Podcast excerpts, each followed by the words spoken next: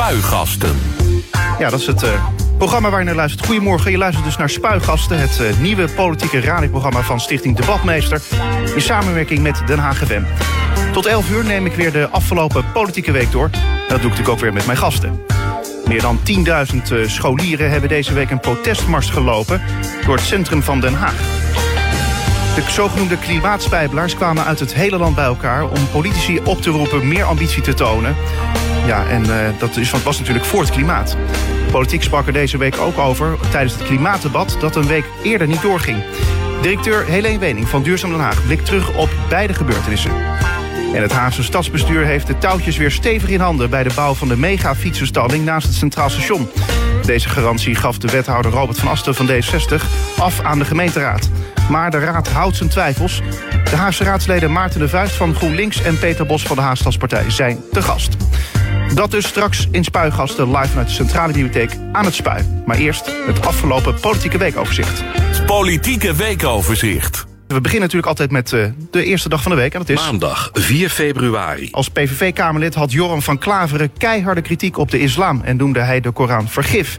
Nu is Van Klaveren zelf moslim geworden... zegt hij in interviews met Thijs van der Brink op NPO Radio 1... en met NRC Handelsblad. In het boek Afvallige vertelt hij waarom hij de islam niet langer bestrijdt... en zelf tot het geloof is bekeerd. Goedemorgen, Helene Wening. Goedemorgen. Ja, als je het verhaal zo hoort, uh, geloof jij het? Ja. Ja, ik, ik weet het niet. Uh, Gods wegen zijn ondergrondelijk, zeggen ze wel eens. En uh, ik ken wel meer van dit soort verhalen. Ik, ik, ik weet het niet zo goed. Ik vind dat het bijzonder, maar... Ik wil het ook wel weer de voordeel van twijfel geven. Kan nou. dat mensen zich dan ook gewoon, gewoon mooi en goed gaan gedragen? Dat, dat is waar iedereen wat aan heeft. Ja, dat kan, kan me voorstellen. Uh, dan gaan we naar de volgende dag. Dinsdag 5 februari. Er moet een rechtstreekse intercitytrein tussen Den Haag en Düsseldorf komen. Dat vindt een brede coalitie bestaande uit de gemeenten Den Haag, Rotterdam, Breda en Eindhoven. De provincies Noord- en Zuid-Holland, de Economic Board Zuid-Holland en de Brainport Eindhoven. Ze roepen staatssecretaris Tientje van Veldhoven van Infrastructuur in Waterstaat op om een directe verbinding te realiseren. Uh, Helene, lijkt me een goede ontwikkeling, denk ik, voor ja, jou. Supergoed. We moeten veel meer met de trein kunnen binnen Europa. Werkt ook, helpt ook bij om te verduurzamen, ja, neem ik aan? Helpt enorm mee. We moeten echt minder gaan vliegen. Ik vlieg zelf niet binnen Europa. Dat is echt een soort principe. Maar als je dan ziet hoe lang je in de trein moet zitten... Nou, dan, smak, ja, dan smacht ik ook naar dit soort internationale verbindingen. Ja, maar ook als je heel lang bijvoorbeeld in de auto moet zitten... of heel lang in de trein. Het kost zoveel tijd. Ja, precies. Dus alleen maar goed. Ja, nou, dan gaan we dat uh, hopelijk regelen. Het is uh, als, uh, als het stadsbestuur daaraan meewerkt. Woensdag 6 februari. Het Haagse stadsbestuur heeft de touwtjes weer stevig in handen... bij de bouw van de mega-fietsenstalling naast het Centraal Station. Deze garantie gaf wethouder Robert van Asten van D60... Woensdag af, woensdagochtend af aan de gemeenteraad. Maar de raad houdt zijn twijfels. De fietsenstalling is 3,5 miljoen euro duurder dan gedacht... en heeft bijna drie jaar vertraging opgelopen. Alleen als ik dit zo hoor, dan denk ik van, hoe kan het toch? Ja, dit soort grote projecten, dat loopt altijd zo vreselijk uit de hand. Maar het is wel hard nodig dat er een fietsenstalling komt. Want iedereen wordt heel zagrijnig van dat je fiets daar nergens kwijt kan. Ja. Dat hij de weg wordt geknipt als hij daar iets langer dan 10 minuten staat. Nou kom jij zelf uh, natuurlijk uit de politiek. Uh, als je dit zo'n uh, zo'n verhaal hoort van ja, het Haagse Stadsbestuur... dat, dat, dat hiermee heel veel vertraging heeft opgelopen. Althans het, het project, de megafietsenstalling. Ja, wat, wat kan de politiek hier nog aan doen? Nou, zoals nu, er bovenop zitten. Maar volgens mij is het vooral zaak om bij grote projecten aan de voorkant te zorgen... dat je al dit soort belangen uh, hebt, hebt ingebouwd. Ja. Uh, dan gaan we naar de volgende dag. Donderdag 7 februari. Duizenden scholieren hebben donderdag in Den Haag actie gevoerd voor het klimaat. Vanaf het Malieveld vertrokken zij voor een mars door het centrum. Hierbij riepen zij de politiek op om ambitie te tonen om klimaatverandering tegen te gaan... De actie verliep rustig en de organisatie spreekt van een groot succes. Zometeen praten we natuurlijk daarover verder. Vrijdag 8 februari. Hart voor Den Haag groept de MOS-raadslid Jelle Meijnes... roept wethouder Liesbeth van Tongeren op... om zo snel mogelijk een uitzondering te regelen voor tweetaktbrommers. Momenteel is vastgelegd in het coalitieakkoord dat tweetaktbrommers vanaf volgend jaar in heel Den Haag verboden zijn. Hart voor Den Haag groep de Mos wil dat er op de feestdagen en in het weekend een speciale ontheffing komt. In Amsterdam is een uh, soortgelijke regel al van kracht. Het lijkt het raadslid wel wat dat de uitzondering ook in Den Haag wordt opgenomen in de nog uit te werken maatregel. Ja, dit lijkt me niet iets uh, wat heel duurzaam is, Helene. Nee, ik wil, ik wil ook gewoon in het weekend en in, op zondagen en in de vakantie wil ik ook schone lucht. Ja, dus jij zegt slecht plan. Ja. Oké, okay, nou dat is gezegd. Zaterdag 9 februari. Meer mensen willen statenlid worden. Iets meer dan 5000 Nederlanders maken kans op een zetel in de komende uh, provinciale staten. Ze staan op de kandidatenlijsten voor de statenverkiezingen op 20 maart. In totaal zijn er 5016 kandidaten. Bij de vorige verkiezingen in 2015 waren er 4611 kandidaten. Helene, heb je jezelf al een keer opgegeven als statenlid? Nee, nee, nee, niet. Ik wou zeggen nog niet, maar nee, niet. Maar eh, misschien nog iets wat ooit in de nou, het is natuurlijk heel belangrijk werk, maar ik ben veel blij met het werk dat ik doe. Lekker met mijn poten in de Haagse, in de Haagse klei of in het veen en in het zand. En uh, ja, politiek is mooi en een, uh, een goed vak, maar dat laat ik graag aan anderen. Ja, en in de Haagse duurzaamheid uh, zit hij ook je poten. Gaan we het zo meteen verder over hebben. Premier Rutte is niet van plan om haast te maken met klimaatmaatregelen. Dat zei hij deze week in de Tweede Kamer. Hij wil eerst rustig kijken naar de gevolgen en andere landen uh, zoeken om uh, mee samen te werken. Volgens Rutte zijn de plannen nog niet doorgerekend en er is nog tijd genoeg. We hebben 31 jaar voor die transitie. We hebben 11 jaar tot 2030. We gaan het op een nette manier doen. En ik heb gezegd, een van de toetsstenen is dat uh, de mensen in het land, ook, ook wij allemaal, het ook financieel kunnen meemaken. Ja, linkse oppositiepartijen vinden dat het kabinet niks doet en geen beslissingen durft te nemen praat erover met uh, directeur Helene Wening van Duurzaam Den Haag. Ja, Helene, heeft die linkse oppositie nou een beetje gelijk? Nou ja, het, het is natuurlijk een feit dat de, de, dat, de, dat de ambitie misschien nog wel prima is. Hè, maar dat, dat de maatregelen ver achterblijven en de realisatie al helemaal. En daarom hebben we echt wat te doen. Ook als Nederland lopen we echt achter. Ja, maar uh, ja, wat kan het kabinet dan doen? Nou, wat het kabinet zou moeten doen, uh, naar mijn mening, en niet alleen naar mijn mening gelukkig, maar ook, ook wat heel veel wetenschappers aangeven en heel veel mensen die echt veel verstand van hebben, is, is beginnen met de CO2-tax. Om, uh, om de vervuilers te laten betalen. En, en, en daar, ja, daar gaat het nu steeds op mis. Dat zie je ook in het debat over het klimaatakkoord. Ja, dat zijn echt maatregelen die heel erg nodig zijn om te zorgen dat er ook echt werk wordt gemaakt van de ambities. Ja, en, maar dat betekent dat, dat de vervuiler betaalt. Betekent dat dan dat de bedrijven zouden moeten betalen? Of uh, ja, ook jij en ik als wij heel veel vervuilen? Nou kijk, iedereen heeft het over van hoe gaat de bewoner dit betalen. Want het komt in jouw huis en in mijn huis. En, en wij moeten zonder gas gaan koken en wij moeten energie besparen. Nou, ik, ik, ik denk dat het heel fair is en heel erg nodig dat de politiek zegt van nou bedrijven die moeten worden belast. Vervuilende bedrijven moeten worden belast met een CO2-tax, waardoor huishoudens en bewoners maatregelen kunnen treffen. En dat laat onverlet dat wij ook geprikkeld moeten worden om, om niet meer vlees te eten of een stuk minder en, en niet te vliegen. Uh, en, en dat eerlijk met elkaar te verdelen, ook de ruimte die daar is. Ja, uh, nou ja, we, we, laten het nu nog heel even over het debat hebben. Wat uh, natuurlijk ja, vorige week eigenlijk niet is gevoerd. Omdat de oppositie wilde het klimaatdebat toen niet voeren. Omdat de VVD-fractievoorzitter Klaas Dijkhoff er niet was. Dinsdagavond voerden zo ongeveer alle fractieleiders in de Tweede Kamer het woord. En niet uh, echt alleen omdat ze het klimaat zo belangrijk vinden. Vooral ook een beetje omdat de provinciale statenverkiezingen eraan komen. Heb ik zo het idee, toch alleen? Ja, ik denk dat dat wel heel belangrijk is. En, en, en dat, het, dat het, de komst van die verkiezingen op 20 maart ook echt in het, het debat in de weg staat. Want je kunt eigenlijk het hele debat in de Kamer amper een debat noemen.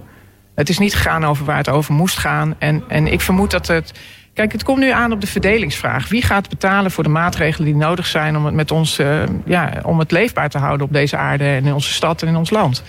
Ja, en dat zijn politieke keuzes. En daar, daar, wil men op dit moment niet aan. En zolang er niet zo'n keuze wordt gemaakt van ja, de vervuiler gaat betalen. En hoe gaan we zorgen voor de middelen die echt geld dat nodig is om, om de klimaat, uh, uh, ja, die hele transitie te financieren ja, dan heb je geen debat en dan kom je ook nergens. Nee, dus dat was eigenlijk een heel politiek debat, heel erg gericht op die uh, verkiezingen. Uh, wordt op 20 maart, denk jij, het klimaat dan een van de belangrijkste thema's of het belangrijkste thema? Nou, dat mag ik toch van harte hopen, want het is het belangrijkste thema. Of de politiek dat nou vindt of niet, het is het belangrijkste thema op dit moment voor onze toekomst.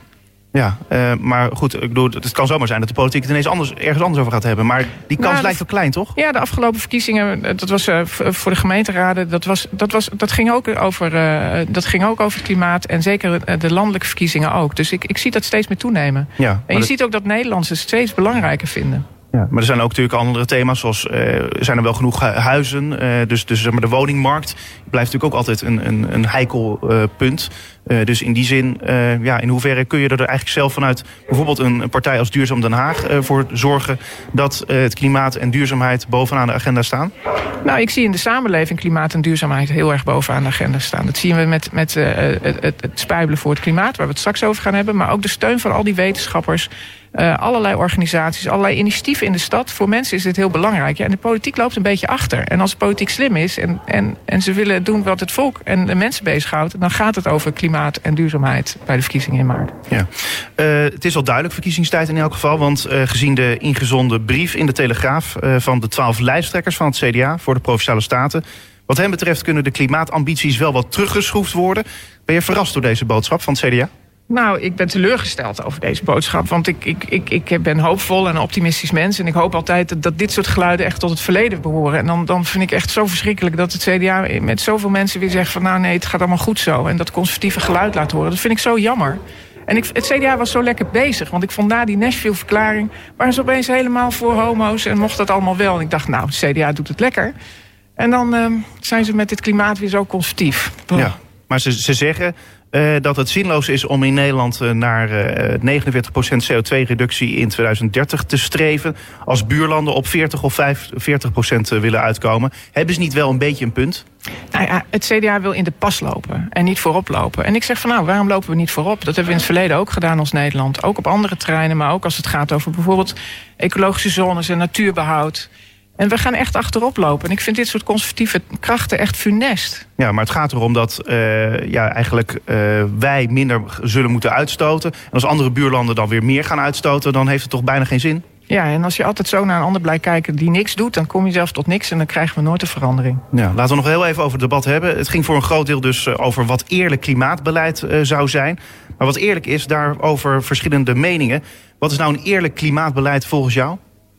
Nou, eerlijk gaat voor mij ook over, over sociaal eerlijk en rechtvaardig. En, en dat is natuurlijk wat in dat klimaatdebat en de energietransitie steeds meer een rol gaat spelen. Wie, waar kun je eerlijk de kosten neerleggen voor de transitie? Nou, en voor mij gaat die eerlijkheid dus over de vervuiler betaalt. En grote bedrijven moeten worden belast.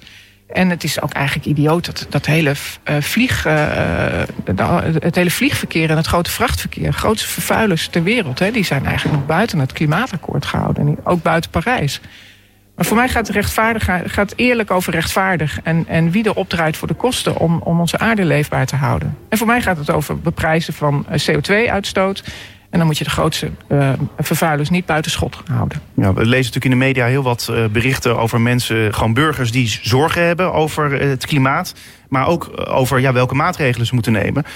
Bijvoorbeeld, moet ik straks een elektrische auto kopen? Of hoe moet ik mijn huis verduurzamen met zonnepanelen en dat soort dingen? Dat is natuurlijk niet voor iedereen betaalbaar.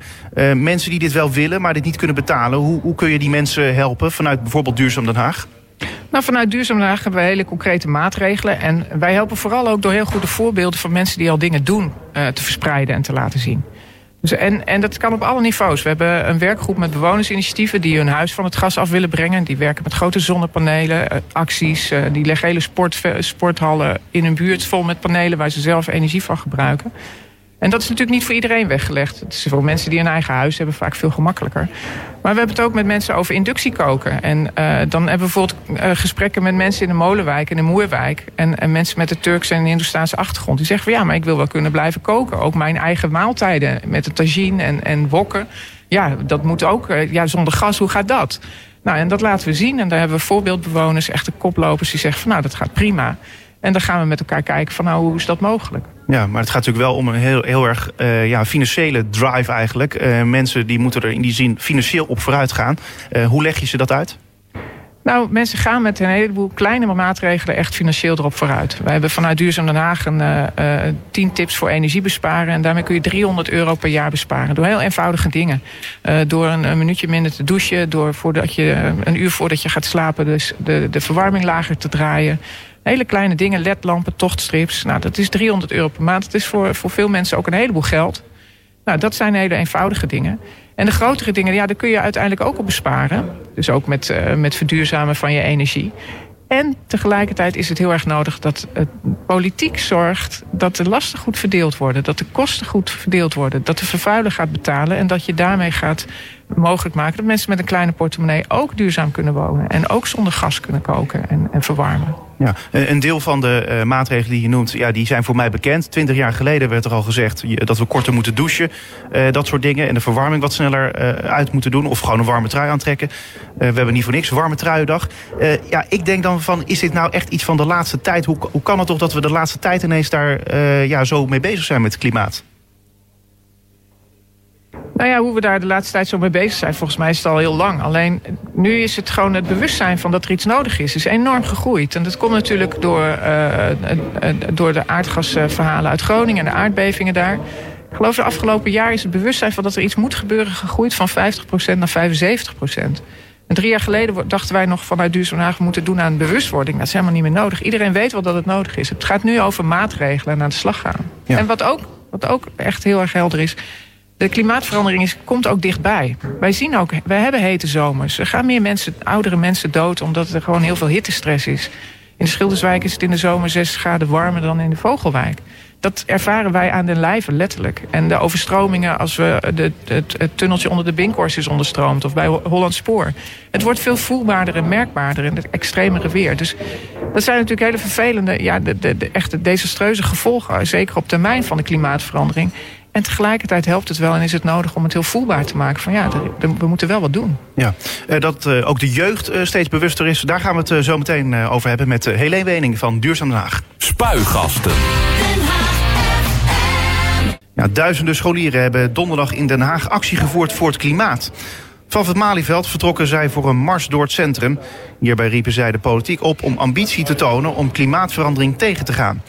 De actie verliep rustig en de organisatie spreekt van een groot succes. Helene Wening van uh, Duurzaam Den Haag. Hoe heb je die mars gevolgd of heb je zelfs tussen die jongeren meegelopen? Oh, ik had echt heel graag meegelopen. Mijn collega Lennart die liep wel mee met zijn dochter Sofia van 9. Met een fantastisch spanbord. De Earth Guardians, die Heek. En ik heb het via Twitter gevolgd en ik heb die fantastische timelapse gezien. En ik, heb, uh, ja, ik vond het echt fantastisch en inspirerend. Supergoed van ze. Ik denk dan wel weer allemaal leuk en aardig, zo'n demonstratie. Maar wat heeft het nou voor nut? Ja, waarom denken mensen dat toch altijd? Jemig, dat is toch inspirerend, het is toch hoopvol... dat er 15.000 jonge mensen op de been komen voor hun toekomst. Voor onze aller toekomst. Dat, dat, echt, je bent te jong om zo cynisch te zijn hiervoor. Maar ik denk dan wel van ja, een beter milieu begint bij jezelf. En uh, we hoorden heel wat jongeren die tuurlijk zeiden van... ze doen zelf eh, heel wat aan, aan het klimaat of aan het uh, verduurzamen. Maar er is ook een heel groot deel van de jongeren dat gewoon nou ja, het liefst uh, vijf keer per jaar op vakantie gaat. Ja, mag ik nou eens iets heel kritisch zeggen? Ik heb heel veel van dat soort reacties gehoord. Van die mensen die dan foto's maken van die scholieren die bij de McDonald's staan te eten. Of een of andere kerel die zegt van nou ja, je eet geen vlees en je vliegt niet, maar je hebt wel een mobieltje. Wat is het toch wat ons dient om te zeggen van ja, uh, ik doe helemaal niks, maar wat jij doet is niks waard. Kom op, alles helpt. Elk individu helpt en elk individu kan impact genereren. En, en deze jonge mensen laten dat zien. En ik geloof niet dat deze jonge mensen alleen maar daar staan uh, om een dag vrij te hebben. Echt in tegendeel. Ik, deze generatie laat zien, dit, dit is van belang. Hier gaat het over. En deze generatie zegt ook, ik eet minder vlees of helemaal geen vlees meer. En ik vlieg niet meer. En ik, uh, ik koop tweedehands kleding. En daar moeten wij respect voor hebben. En oudere generaties die dan zo gaan zeggen van... Uh, ja, je eet wel een hamburger bij McDonald's. Nou ja, dan doe je dat af en toe. Maar uh, ze doen een heleboel goed. En volgens mij moet iedereen kijken naar wat hij zelf kan doen. En dat geldt voor de politiek, maar dat geldt ook voor elk individu. En ik vind dit een hele hoopvolle beweging waarin mensen zeggen... dit gaat over onze toekomst. Sowieso is het eh, goed dat iedereen bij zichzelf te raden gaat... Uh, van of ze wel milieubewust zijn. En dat geldt misschien niet voor alle jongeren. Dus kunnen de jongeren elkaar ook misschien daarin helpen? Nou ja, weet je, ik, ik, kijk liever hiernaar als een enorme beweging. Letterlijk 15.000 jonge mensen die op de been komen. Die zeggen, dit vinden wij belangrijk. En ik vind dat alleen maar, uh, uh, ja, alleen maar complimenten en chapeau. Zo goed en inspirerend. En dat inspireert volgens mij heel veel mensen om te kijken van... ja, wat, wat doe ik en wat kan ik doen? En er is zoveel wat we kunnen doen. Wij vanuit Duurzaam Haag laten ook echt zien van... nou, er zijn heel veel bewonersinitiatieven waar je bij kunt aansluiten. Er zijn heel veel voorbeeldbewoners die, die echt heel goed bezig zijn met hun leefomgeving. En dat kan iedereen. Ja, uh, sowieso heeft premier Rutte er ook op gereageerd. Uh, premier Rutte die wil praten met de klimaatspijbelaars. De organisatie achter de grote klimaatdemonstratie door scholieren mag bij hem langskomen. Rutte snapt hun zorgen omdat de jongeren volgens hem meer te maken krijgen met de gevolgen van de klimaatverandering. Goede move van, van Rutte? Nou, ik ben, een beetje, ik ben nou weer een beetje cynisch over Rutte. Want die zegt, ja, we doen al zoveel aan het klimaat. En dat is echt onzin. Nederland loopt echt achter op klimaat. Hij heeft grote ambities. Maar uh, qua maatregelen loopt Nederland echt achter. En, en, en vertelt die verhaaltjes die niet waar zijn. Maar het is natuurlijk heel goed dat hij een handreiking doet en dat hij dit serieus neemt. En ik, ik hoop van harte, en, en, en dat zal ook bewijzen dat het wat waard is, dat het tot stevige maatregelen leidt. En tot een goed klimaatakkoord. En, en ook waar we het eerder over hadden, over dat je de vervuiler laat betalen. Ja, uh, gisteren zei uh, Rutte, het is niet gisteren, eergisteren volgens mij, na, uh, zei Rutte na de grote demonstratie, ook al dat er niet heel veel meer mogelijk is. Hoe is een beetje het meest op dit moment van heel Europa? Op een manier die natuurlijk ook moet kunnen. Hè? De mensen moeten het ook kunnen meemaken, maar de ambities gaan ver. Maar ik wil het helemaal niet zien in een race wie nog meer wil doen. Ja, Helene, als ik Rutte zo hoor, dan denk ik, jij moet misschien beter langs gaan bij premier Rutte. Nee, het is gewoon niet waar wat Rutte zegt. Want? Uh, Nederland heeft hoge ambities. Uh, Rutte heeft ook gezegd, ik wil wel 55 procent. De Europese afspraak is 49 procent. Dat wil hij dan wel, maar dan moeten alle landen volgen. Rutte praat over ambities die op een lange termijn liggen. En qua maatregelen heeft, komt Nederland gewoon tekort en, en doen we te weinig. Het beleid en de ambities prima, maar het gaat erom wat je doet. En Nederland zit nog steeds op, op 6,6 procent hernieuwbare energie. Waar we eigenlijk al lang op 14 zouden moeten zitten. En dat gaat te langzaam. Wij, wij voeren niet de lijstjes aan in Europa. Integendeel, ten aanzien van klimaat uh, bungelen we ergens onderaan.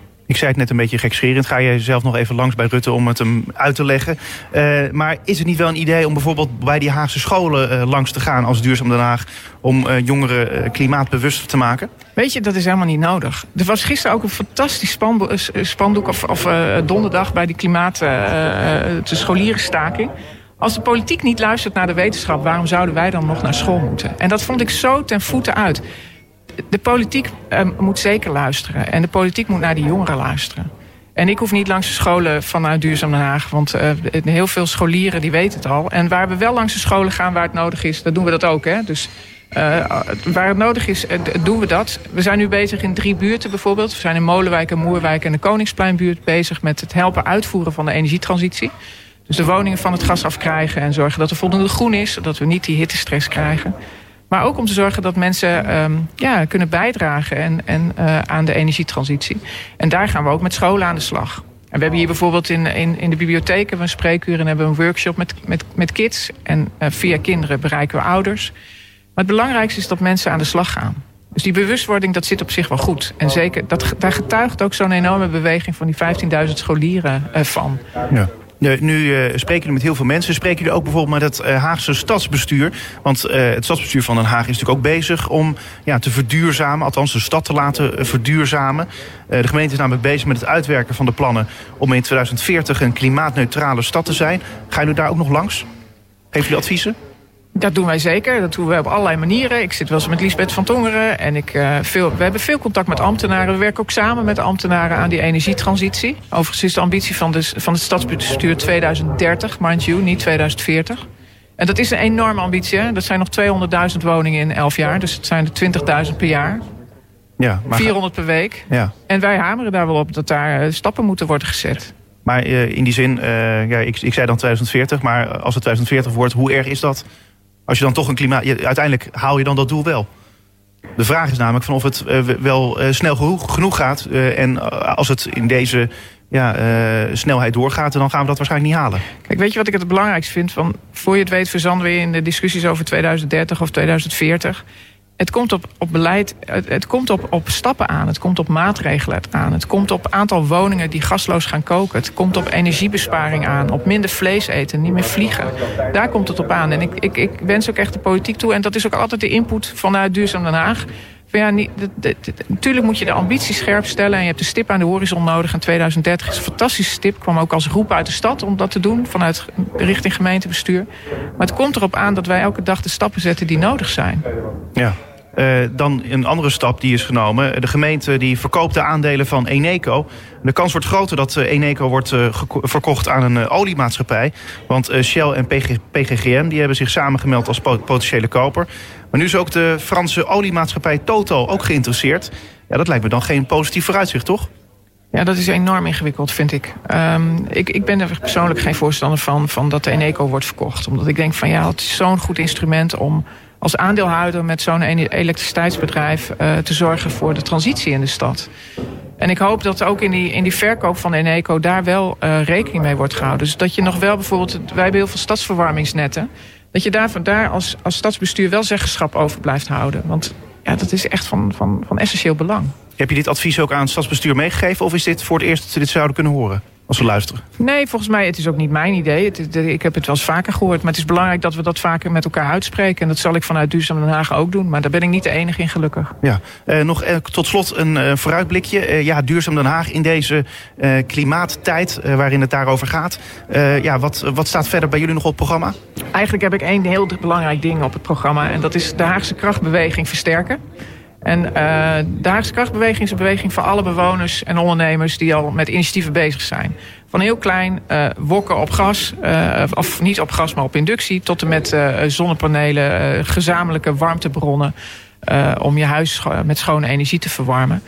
En wij hebben nu een platform gelanceerd waarin je letterlijk al die initiatieven op de kaart ziet. Dat heet het platform 070 Groene Kampioenen. En ik doe toch gewoon nu de lekkere call to action. Dat ik iedereen die luistert oproep om zich uh, aan te melden. Dat kan op www.070groenekampioenen.nl. Daar kun je op zien wat je buren al doen uh, op het gebied van verduurzaming. En, en waar ieder zijn eigen steentje kan bijdragen. En waar je ook je eigen initiatieven op kan posten. Want dat is echt waar ik vanuit Duurzaam Haag van, van harte in geloof dat wij allemaal de dingen kunnen doen en ook moeten doen die we kunnen. En elkaar kunnen inspireren. Ja. Helene Wening van Duurzaam Den Haag, dankjewel. Graag gedaan. 10 minuten over half elf. Je luistert naar Spuigasten, het politieke radioprogramma op Den Haag FM. Het uh, Haagse stadsbestuur heeft de touwtjes weer stevig in handen... bij de bouw van de mega-fietsenstalling naast het Centraal Station. Deze garantie gaf wethouder Robert van Asten van D66... woensdagochtend af aan de gemeenteraad. Maar de raad houdt zijn twijfels. De fietsenstalling is 3,5 miljoen euro duurder dan gedacht en heeft bijna drie jaar vertraging opgelopen. Ik praat erover met de Haagse raadsleden Maarten de Vuist van GroenLinks... en Peter Bos van de Haagse Stadspartij. Beide goedemorgen. Goedemorgen. Ja, goedemorgen. Goedemorgen. Ja, dat zo'n project niet op de dag nauwkeurig wordt uh, af, opgeleverd, dat snap ik. Maar uh, drie jaar vertraging. Maarten, kruip even naar de microfoon toe. Ja. Uh, snap jij dat? nee, dat, is, dat valt buiten de marges die je rekent voor zo'n project, lijkt mij. Dus dat, dat kon op weinig begrip rekenen. Um, ja, dat, dat, dat is waar, ja. ja. Uh, Peter, uh, was je verrast ook door het uh, nieuws toen het naar buiten kwam... dat het 3,5 miljoen euro duurder werd en dat het drie jaar vertraging opleverde? Ja, ik was daar uh, enorm uh, door verrast. Ook wel een beetje onthutst. Omdat wij eigenlijk uh, tot voor kort steeds de verzekering hebben gekregen van het toenmalige college dat alles onder controle was. En dat ook als het gaat om de kosten, dat wij ons geen enkel ja, zorgen hoefden te maken. Omdat we met een goed contract hadden met de bouwer die gewoon alle extra kosten voor zijn rekening zou nemen. En dat blijkt dus nu anders te zijn. Ja, nou zeg je al, het voormalige college. Daar zat de Haaststadspartij in. is het dan niet zo dat de Haaststadspartij partij dit had kunnen weten? Als wij goed geïnformeerd waren, dan hadden wij dat kunnen weten, ja. Maar wij zijn niet goed geïnformeerd. Uh, de laatste brief van Tom de Bruin, de vorige wethouder, die was uit 2017. En daarin heeft hij bevestigd dat alles onder controle was... en er geen risico's werden gelopen door de gemeente. En daar ben ik, en daar zijn wij met z'n allen eigenlijk uh, van uitgegaan. Ja, maar uh, toch vraag ik me wel een beetje af... waarom gingen de alarmbellen bij de gemeenteraad niet eerder af?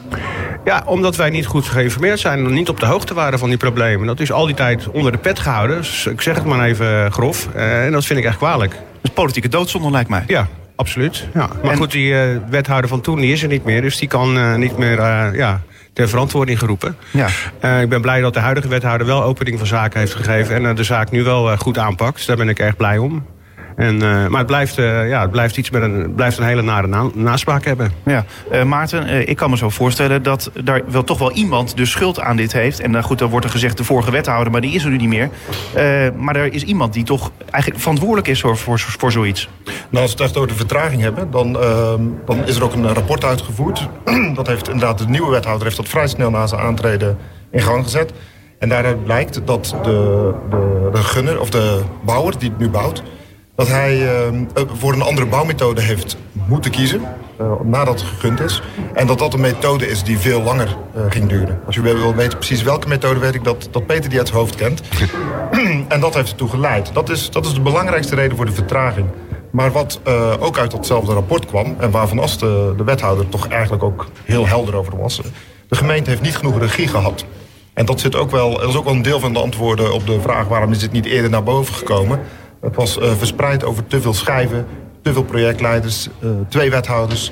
Um, en dat heeft, dat, dat heeft ertoe bijgedragen, dat denk ik, dat wij uh, te laat geïnformeerd zijn. Of dat ik hoorde het voor het eerst in juli.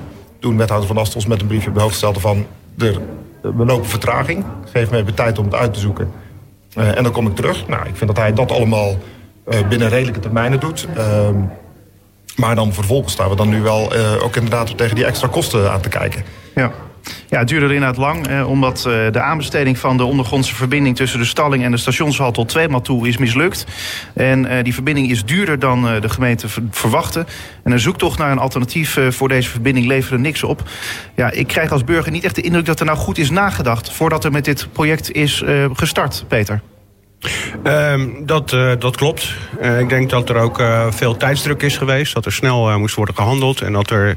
het is ook een. een complexe toestand, omdat je aan de ene kant heb je natuurlijk die fietsenstalling en daarbovenop moeten dus twee wo- woontorens gebouwd worden. Dat zijn twee verschillende bouwbedrijven die dat doen en die dat eigenlijk los van elkaar hebben nou ja, ontwikkeld.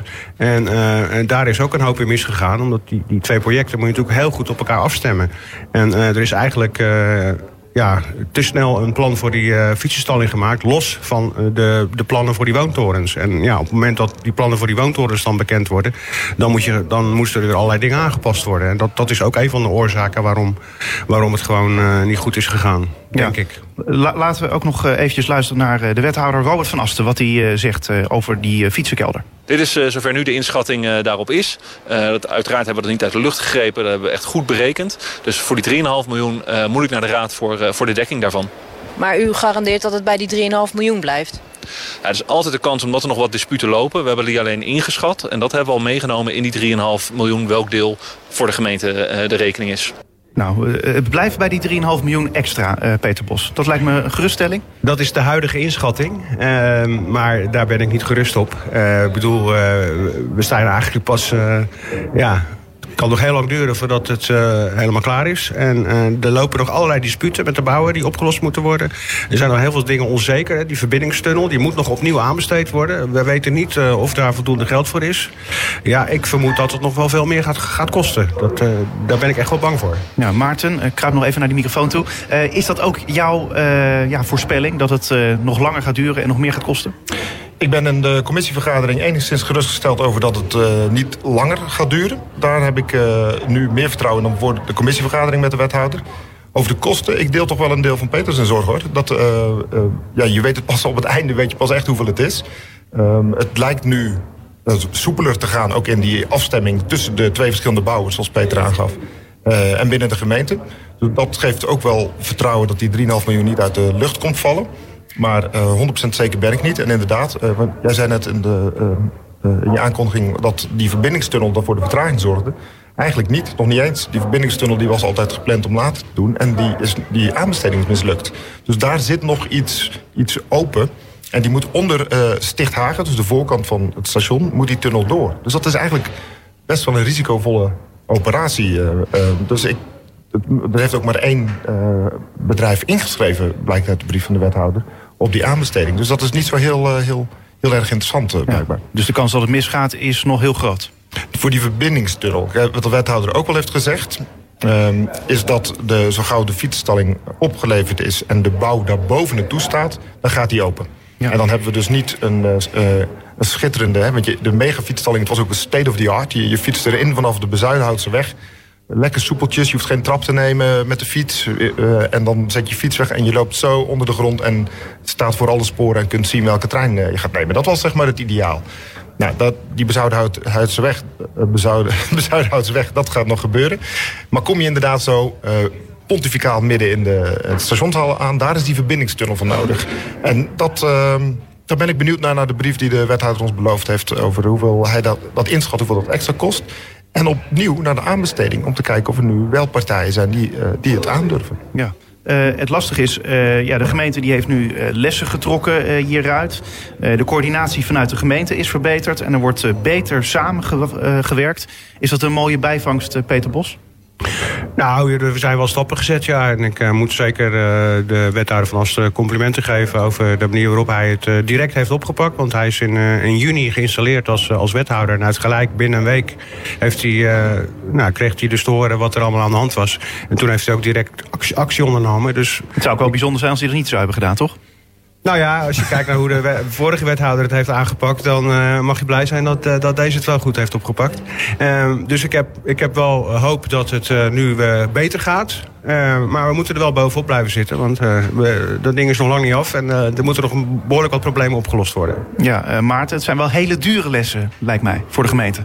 Ja, dat, eh, het, het is wel echt een meevaller als een keer een bouwproject eh, binnen eh, de, budgetten blijft. Dus wat dat betreft, eh, ja, het zijn, het zijn dure lessen. En die, eigenlijk, het hele project was opgeknipt in vier onderdelen. Dat was om technische redenen, omdat eh, je speciale expertise nodig hebt om in de grond eh, iets te maken.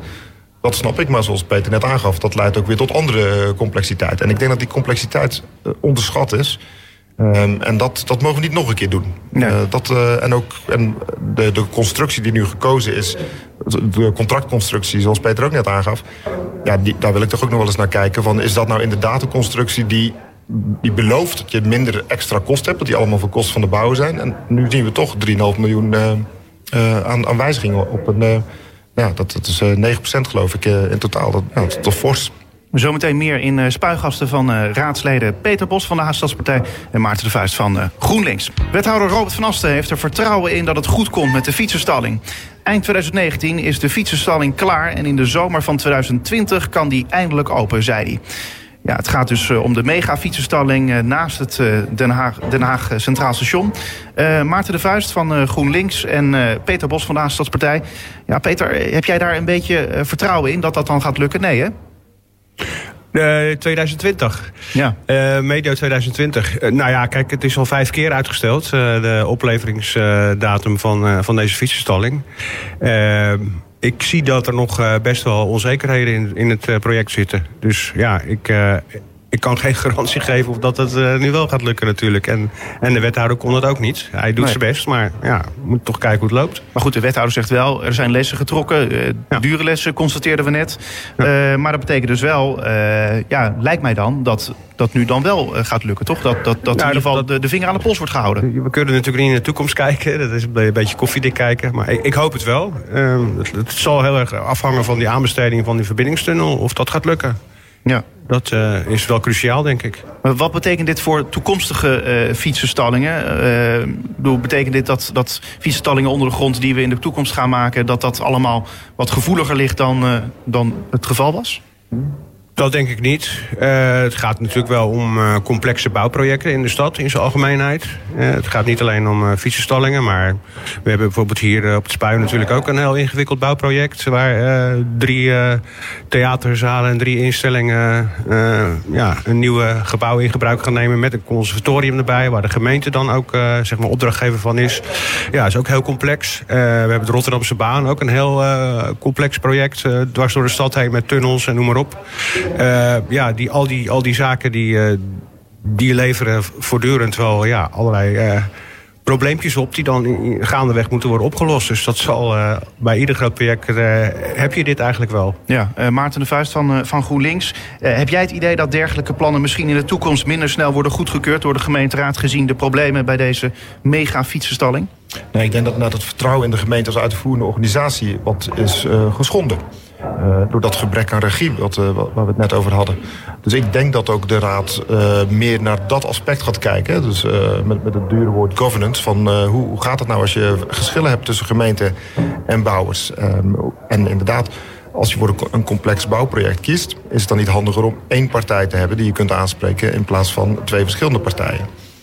Dat is ook eigenlijk eh, of het in 2020 open gaat. Ik denk dat dat meer gaat afhangen van wat daar boven de grond nu gaat gebeuren. Dus boven de fietsstalling dan de fietsstalling zelf. Ik heb zelf wel het idee dat december, eh, dus van dit jaar nog, moet die fietsstalling klaar zijn. En dan moet die eh, in gebruik worden genomen. En dat kan pas zes maanden later, omdat er eerst gebouwd moet worden. Die twee torens waar Peter het over had, die moeten eerst een behoorlijke hoogte hebben.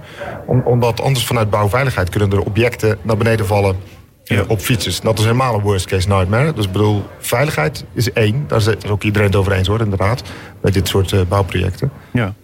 Maar het, het, het- ja, het, het lastige hieraan is, is natuurlijk... eh, ja, de, die megafietsstalling eh, duurt nog een tijdje voordat die, voordat die af is. Ehm, maar goed, eh, hoe kun je nou als gemeenteraad dan wel de vinger aan de pols houden, Maarten? Nou, het gaat zeker om tijdige informatie. En eh, daar zijn een aantal systemen voor. En die moeten we dan ook eh, durven vertrouwen. Uh, maar ik, de wethouder heeft ook toegezegd dat hij in deze ons uh, heel netjes mee gaat nemen. En dat heeft hij inderdaad tot nu toe laten zien, dat hij dat doet. Uh, maar dat, dat, dat, is ook heel belangrijk voor hem. Om inderdaad de gemeenteraad die een enorme kater zit... vanwege en de uitstel en de extra kosten... dat, dat hij weer terug dat vertrouwen pakt door heel netjes daarover te informeren. Ja, uh, Maarten de Vuist van uh, GroenLinks en Peter Bos van de Stadspartij. Zijn jullie trouwens zelf op de fiets hier naartoe gekomen, Peter? Ik ben met de fiets gekomen, ja. ja wind, met de wind mee. Ja, precies. En Maarten? Ja, ik ben begonnen met de fiets en toen begaf mijn uh, versnellingskabel het. Dus die gaat zo fixen. ik ben er uiteindelijk met tram 3 gekomen. Oké, okay, dus hij staat niet in de fietsenstalling hier? Hieronder? Nee, nee. nee. Dat is een prima fietsstalling hieronder. Die voor jou niet. En Peter, uh, nee, hij staat buiten. Ik heb hem buiten nou? staan. Wat is dat nou, Peter? Dat kan toch niet? Want, uh, heb je wel in die witte vak staan, Peter? ja, nee, maar er is, er is altijd wel plek hier uh, op de spui. dus ja. ik kan hem hier altijd wel kwijt. En alleen, alleen als het helemaal vol is, dan ga ik de stalling in. Ja, beide heren, Maarten de Vuist van GroenLinks en Peter Bos van de Haagse Stadspartij. beiden dank dat jullie hier waren in Spuigasten op de Graag gedaan. Volgende week ben ik er weer met ja, nieuwe politieke week die, dan, die we dan weer doornemen. Uiteraard met mensen uit de Haagse politiek. Tot volgende week.